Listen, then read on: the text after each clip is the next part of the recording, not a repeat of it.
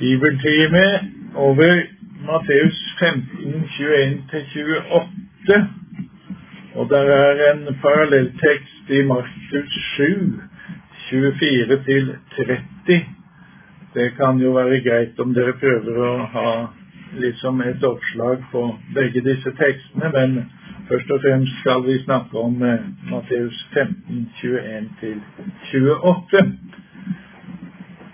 Jeg setter som overskrift ikke bare den kanoneske kvinnen i møte med Jesus, men eh, egentlig som tema den store troen. Den store troen. Den kanoneske kvinnen i møte med Jesus.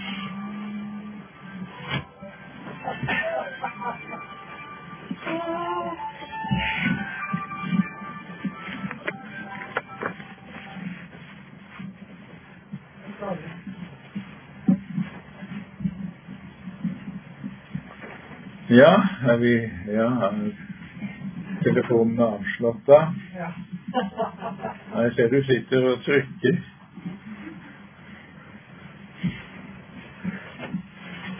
Men da leser vi Jesu navn. Lurer jeg kanskje på hvilken oversettelse jeg bruker. Det kan hende det er min egen. Jeg har i hvert fall printa det ut fra datamaskinen min, så hvis dere tenker at her finner vi jo ikke igjen i vår bibeloversettelse, så kan det være forklaringen. Jeg skal ikke si mye om bibeloversettelse, men, men jeg kan jo bare si hvis valget står mellom Norsk bibel og Bibel 2011, så anbefaler jeg å holde seg til Norsk bibel. Eh, Matteus 15, 21-28 i Jesu navn.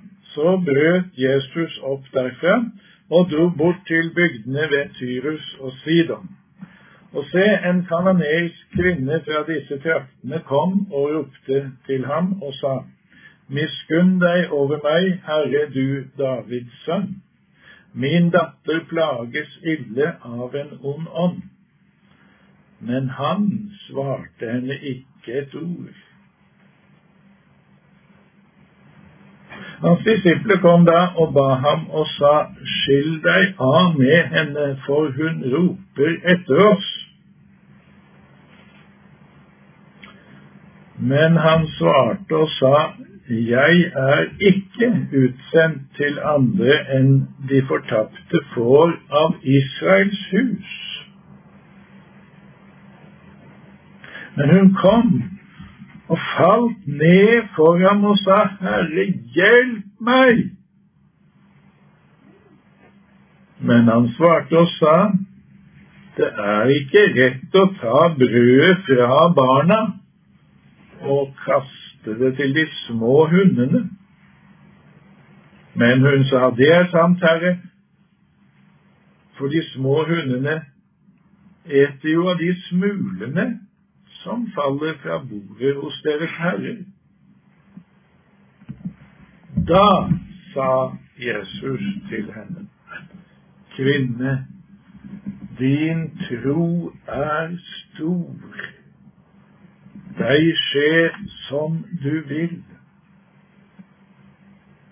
Og hennes datter ble helbredet fra samme stund.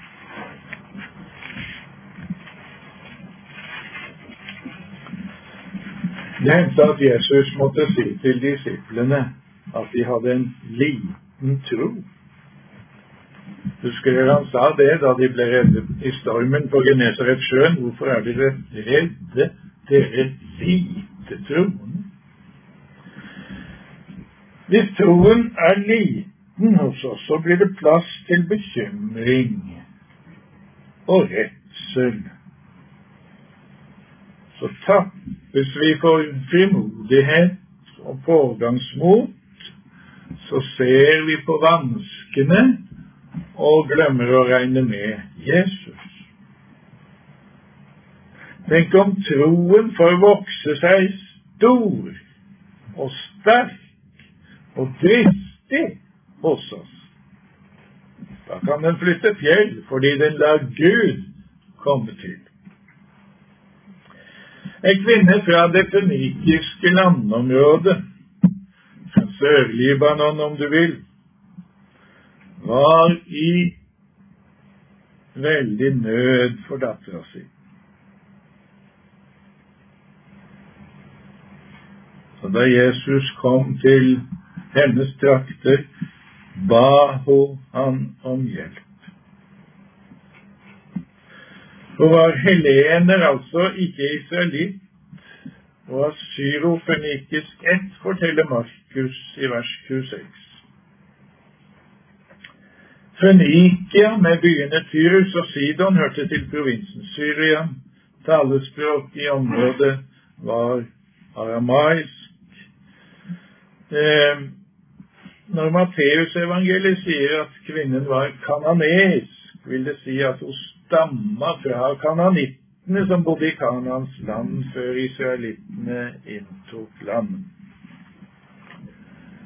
Denne kananesiske kvinne fikk høre av Jesus at hun hadde en stor og god Ja, Jesus sier en stor tro. Hun hadde en stor tro for hun hør. Et flott vitnemål. Din tro er stor. Men hvordan var denne troen, da? For det første legger vi merke til at den store tro bestod i tillit til Jesus. Og stolte på Jesus. Og det kjennetegner den ekte troen den er tillit til Guds nåde for Jesus skyld. Kvinnen stoler på at Jesus har medynk med henne og bekjenner seg til ham. Miskunn deg over meg, Herre du Davids sønn. I denne henvendelsen til Jesus ligger hele hennes tro. Så mye hadde hun hørt, og like mye trodde hun og hadde hørt at Jesus var Messias, Davids sønn, og hadde hørt at Jesus var barmhjertig. Tenk nå om vi som har hørt og lest mye mer enn hun om Jesus, kan stole fullt og fast på det Bibelen lærer oss. Tenk om vi kan det. Troen holder seg jo til det Guds ord sier, og ikke til vår følelse eller vår tanke. Børre Knutsen kunne si Gud kan gi opplevelser, men hold deg ikke til dem. Husk at det er ordet du skal holde på. Tro er å holde på det nakne ordet i Skriften sa Børre.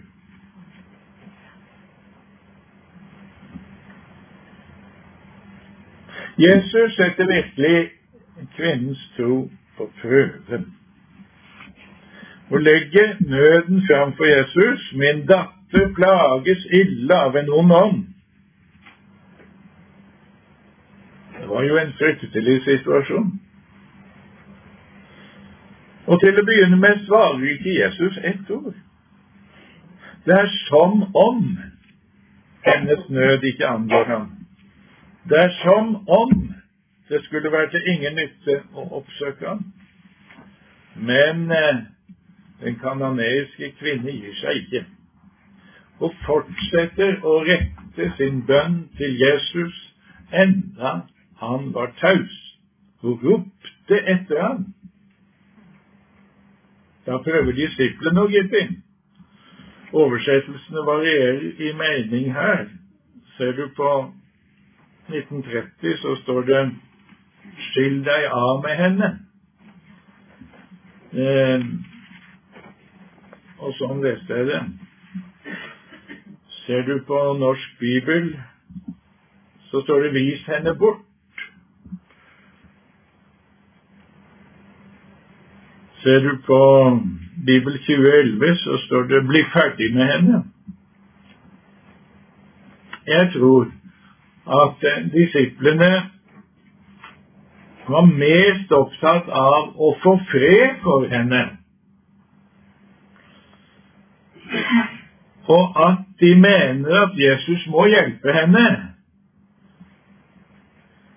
slik at de kan bli kvitt henne, kanskje få en mulighet til å være ubemerka for seg sjøl i dette området utafor Israel. Var det ikke derfor de hadde trukket seg tilbake fra Galilea? For å være aleine, Jesus og disiplene. Og likevel, selv om de er mest opptatt av å få fred for kvinnen, så er det da, tenker jeg, en slags forbønn. Hjelp henne å bli ferdig med henne, så vi kan få fred. Men da blir det for alvor vanskelig å være denne kvinne fra bygdene ved Tyrus og Sidon. For hun måtte jo nesten, hun måtte jo nesten tolke Jesu ord som en avvisning både av sin egen bønn og av forbønn da fra disiplene. Jesus sier nemlig 'Jeg er ikke utsendt til andre enn de fortapte får av Israels hus. Det er som om han sier, 'Jeg er ikke her for å hjelpe dere hedninger'.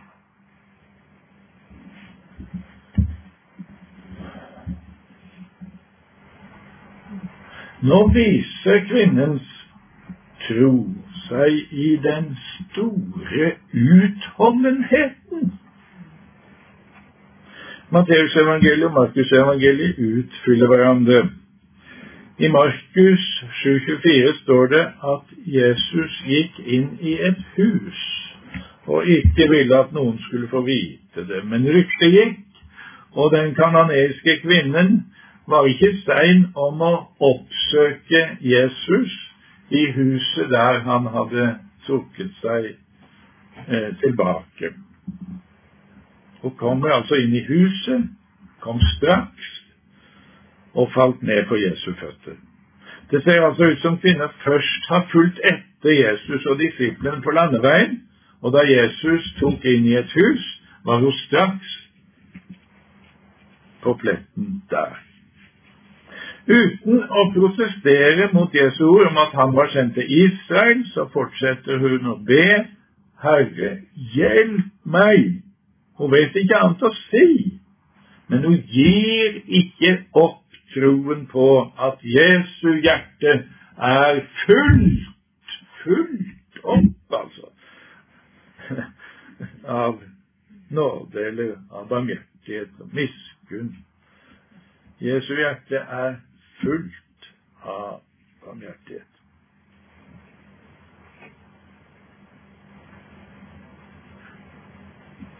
Ikke fylt opp, skulle vi kanskje presisere, for da var det liksom som om det var blitt stadig mer og mer. Jeg tror hun mener det er fullt fra, fra første av. Fra første av. Alltid har vært sånn. Han er barmhjertig. Han kan ikke være annerledes. Han kan ikke eh, sende meg bort med uforrettet sak. Hans hjerte er fullt av barmhjertighet, godhet, nåde osv. Altså Slik var den store troen. Den holdt ut Jesu taushet i første omgang. Og så holdt den ut enda Jesus sa at han var sendt til Israel, ikke til hedningene. Uten å se på det som talte imot henne, så holdt den kanoneiske kvinne fast ved sin tro og sitt håp, uten å se på det som talte imot henne. Men troen skulle stilles på en enda større prøve. Nå taler Jesus direkte til kvinnen og sier det er ikke rett å ta brødet fra barna og kaste det til de små hundene.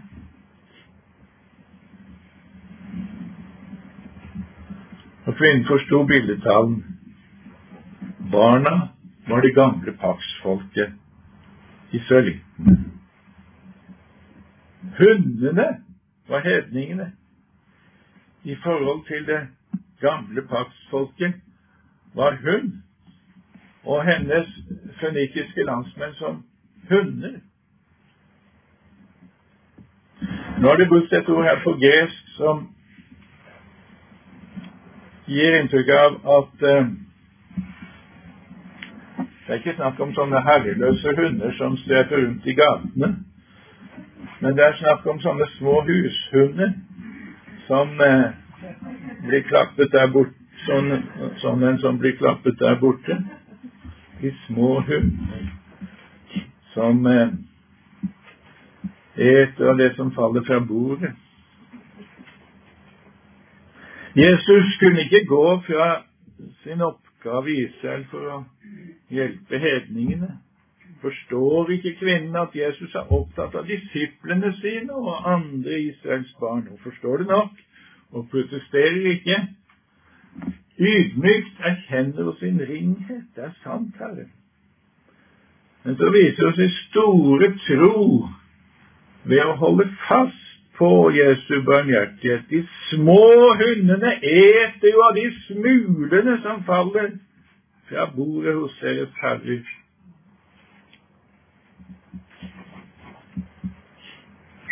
Et knakende godt svar. Skal vi få hunden fram her? Hva, hva heter du, gutten? Lukas. Lukas var jo det, ja. Veldig fint hvis eh, Lukas kan være en liten evangelist her og ta med seg Hva heter hunden, da? Lurven. Vi får frem Lukas og Lurven.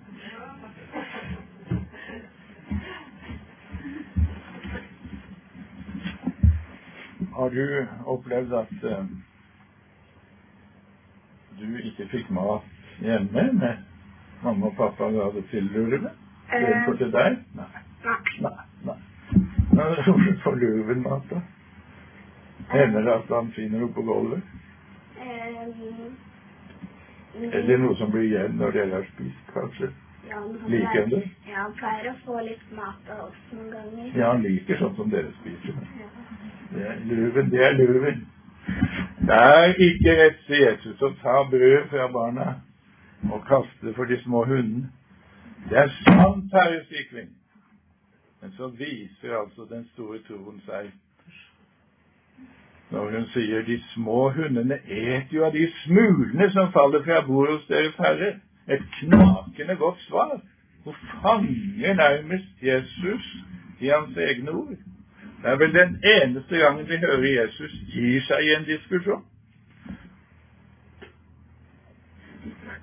Men hvilken ydmykhet krevde ikke dette svaret av den kanoniske kvinnen? Hun innså at hun ingen verdighet og ingen rett hadde, men hun ba om å få hunderett. Hun ba om en smule av det brødet som barna fikk. Hunderett. Er vi fornøyd med det?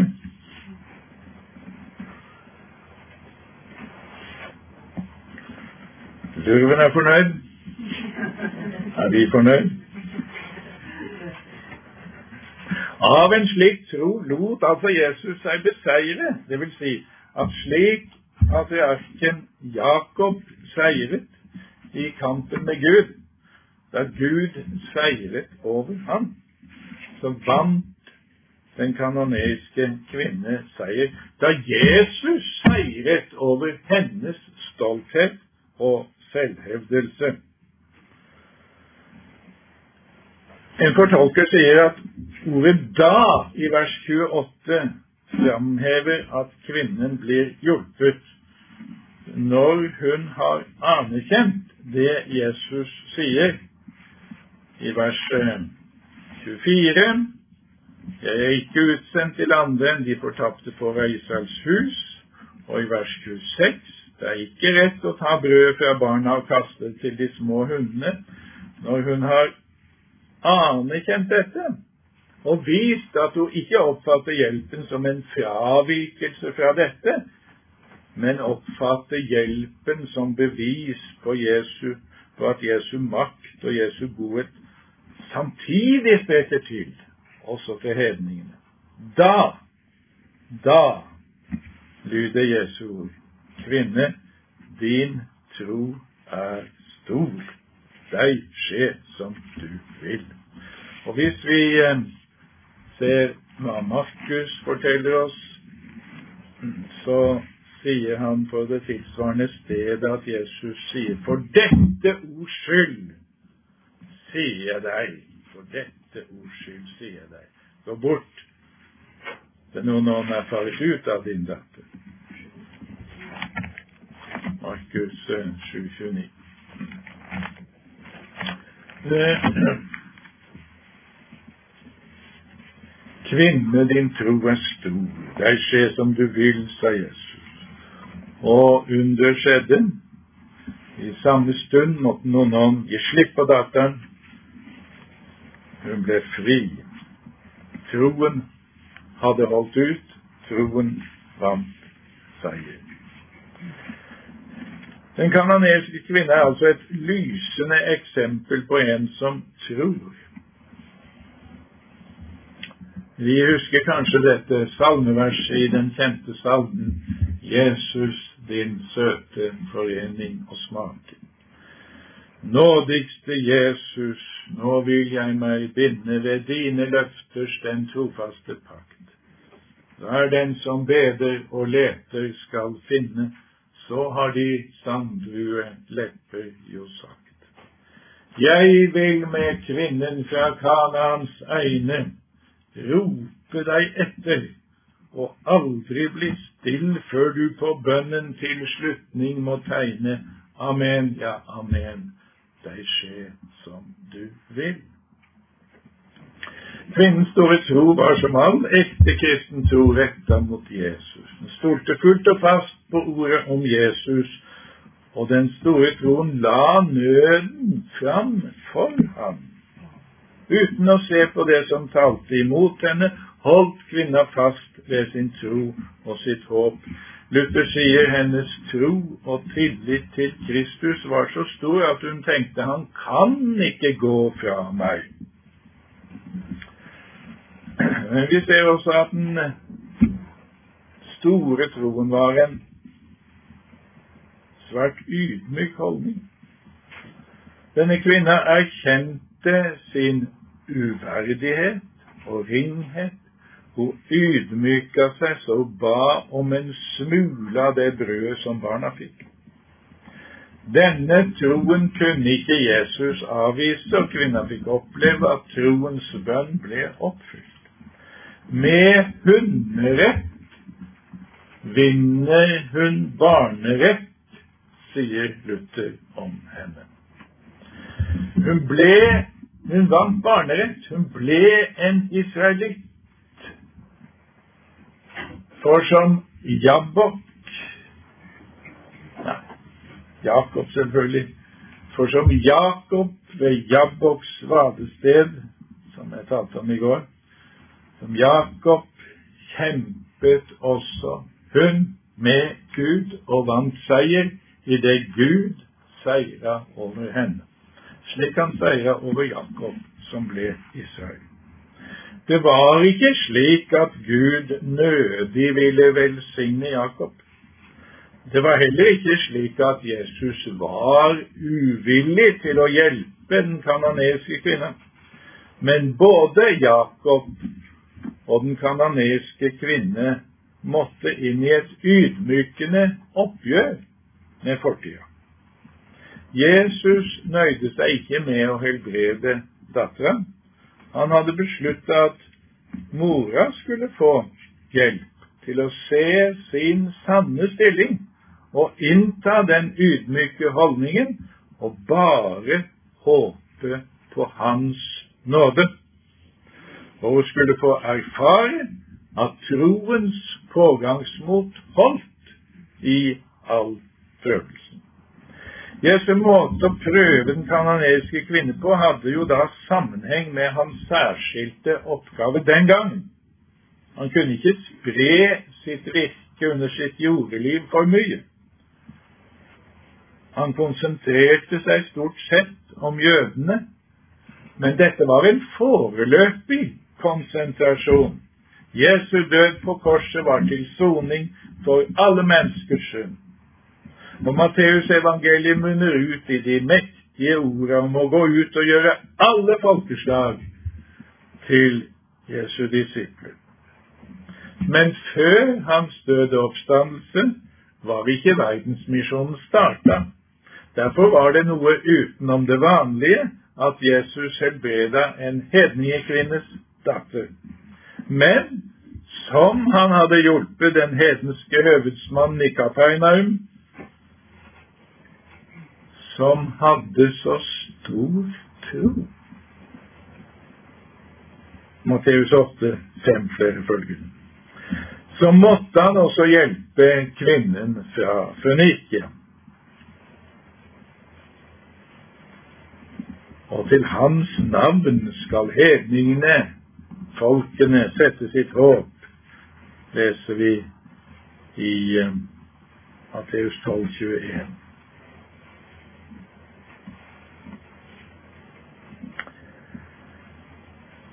Teksten om den kanoneske kvinne lærer oss at vi eh, ikke lærer oss at vi ikke må gi opp og be og tro. Nei, tvert imot. Her er troens kamp og seier i bønn. Når himmelen synes å være stengt, og når et menneske ydmyker seg og erfarer redningen. Eksempelet med den kananeske kvinne lærer oss, som Luther sier, at vi ikke skal slippe vår Herre selv om han nøler, men at vi stadig skal tro at han sier ja. Og selv om han ikke sier det lydelig og åpenbart, høylytt og åpenbart, så har han det likevel hemmelig i sitt hjerte. Hemmelig i sitt hjerte. Inntil den tid kommer da du skal se og erfare det, så fremt du ikke blir doven og trett av å be og holde ut. Sitat slutt.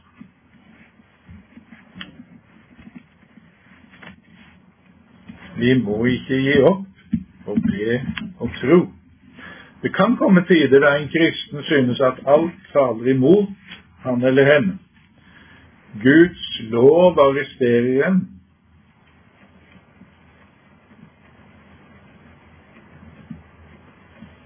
Alle feiltrinn og forsømmelser samler seg i en svær anklage. Satan stiller seg ved sida av Guds lov og sier, der ser du, du kan ikke være noen kristen, bare gi opp. Og hjertet vårt samstemmer i at vi er dømt.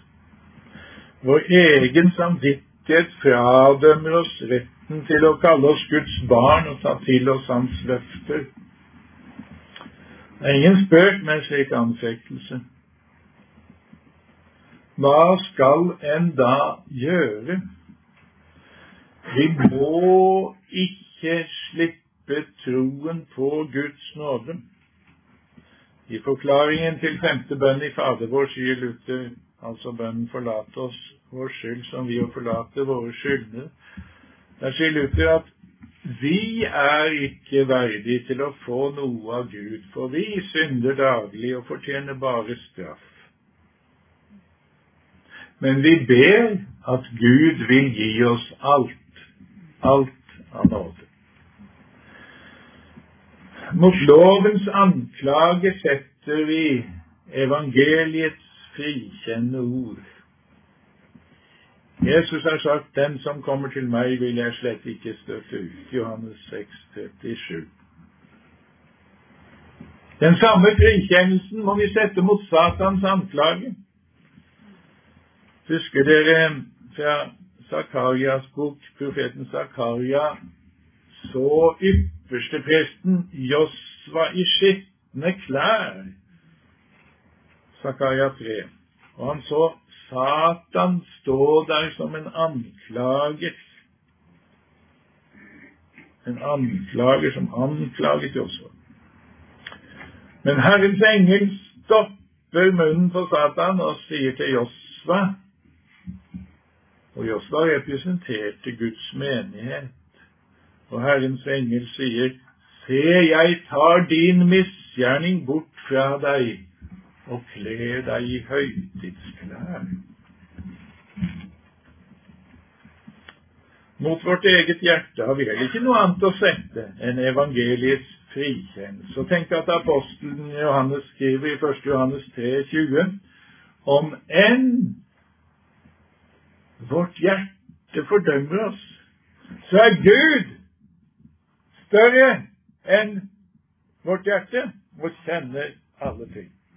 Bibelen lærer oss å holde oss nøye til hva Guds ord sier, ikke til hva vi føler i hjertet.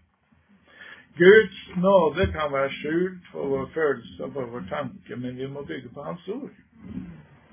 Den store tro ber til Gud tvers gjennom alle anklager og anfektelser. En kristen bøyer seg for Guds dom og griper samtidig løftet om syndenes forlatelse i ord og sakrament.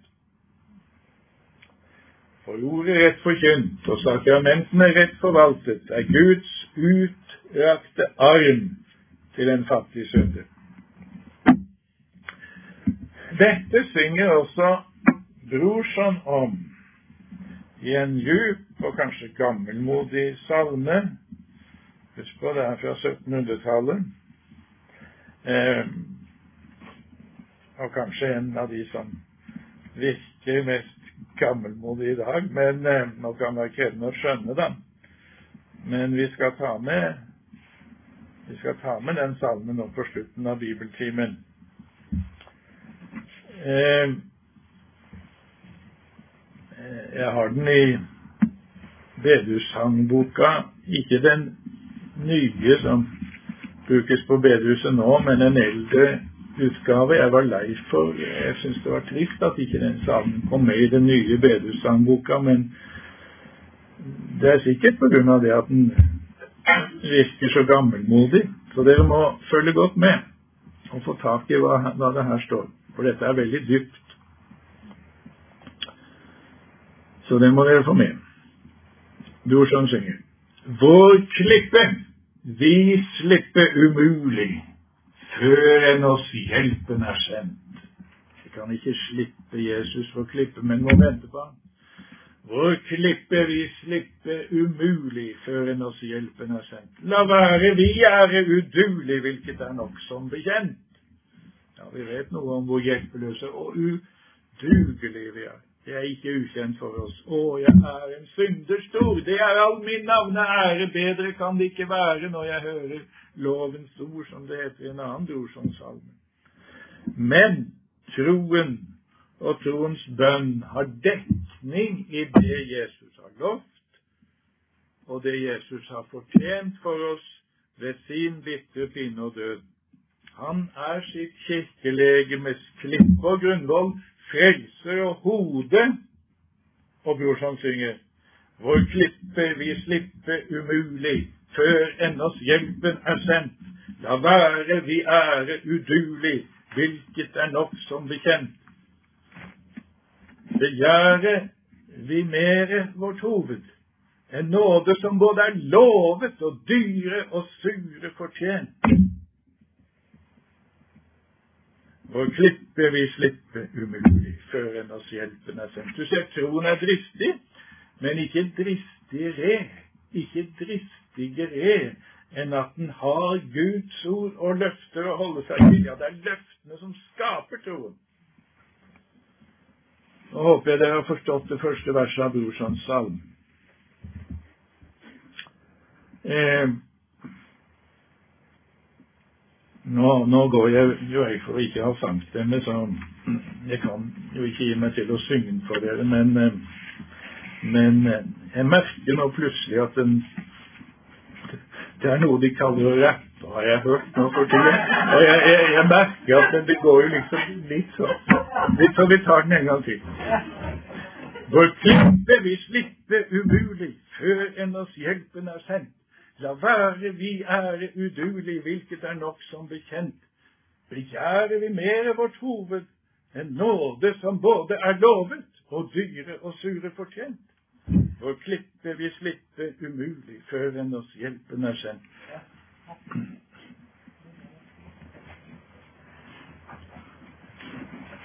Jeg håper dere har forstått det første verset. Så er det et vers til. Det handler om den rett som en fattig stakkar, en fattig sønder, har fått ved at Herren har lovt og sverget ved seg sjøl at alle jordens folk skal velsignes i Abrahams ett, og det er i Jesus Kristus.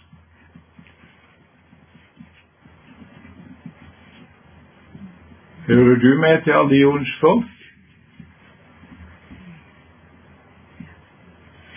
Du og jeg, vi hører vel med til jordens folk.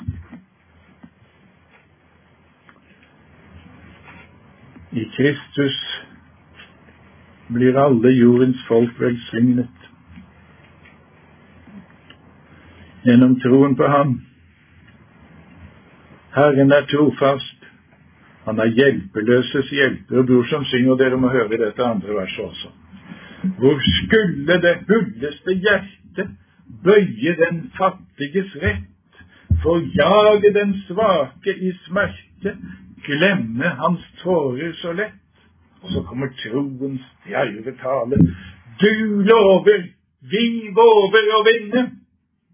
Du svor det, vi tror det å finne, og dertil vi holder oss tett. Du lover, vi våger å vinne, du svore det, vi tror det å finne, og dertil vi holder oss tett. Hvor skulle det fulleste hjerte bøye den fattiges rett? Nei, den kanadiske kvinne vant barnerett med hunderett. Den som eh, ved dåp og tro hører Jesus til, har barnerett. Og enda et bror som sitat. Og hvilken lykke er dette barnekår, når hva oss skader vi kan for tronen gå og sie, Fader, ditt barn du hjelpe må. Amen.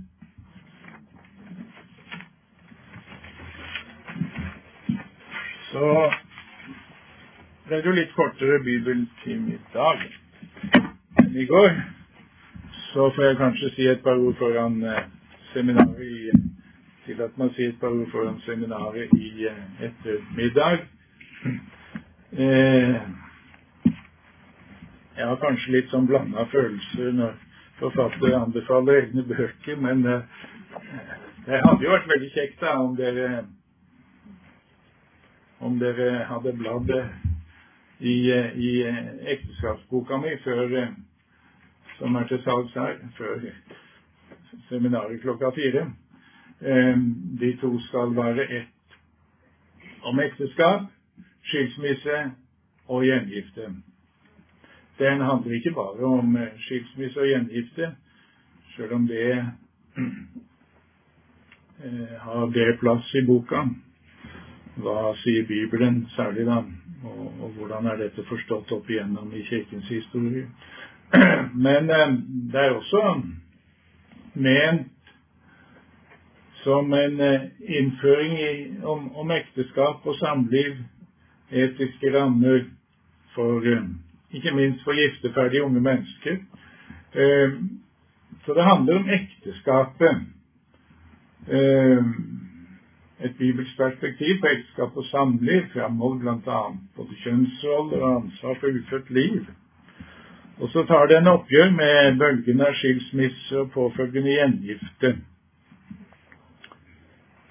Den utfordrer også det gammelutterske synet på gjengifte da for den uskyldige part med det strenge oldkirkelige, som jeg, og som også to sko står for. Um, så har den også noe som er lite eller få eller ingen berøre, hvor vi kanskje har litt berøringsangst. Eh, den har et kapittel om gjenforening, men der drøfter jeg også teksten i 5. Mosebok 24, om den eh, legger noen begrensninger der hvor den ene eh, om, om, den legger begrensninger der hvor den ene av partene har vært gift i mellomtida etter skilsmissen. Det, det er jo et samvittighetsspørsmål som dukker opp for noen. Og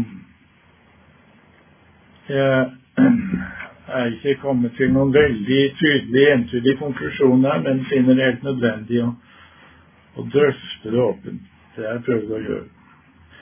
Um, så er det slik altså at um,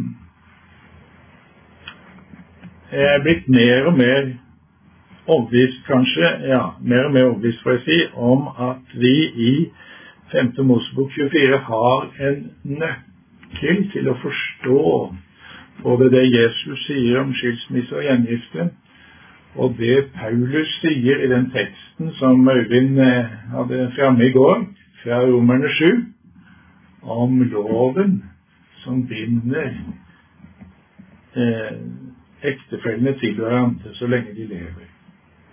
Det skal vi komme inn på i seminaret i ettermiddag.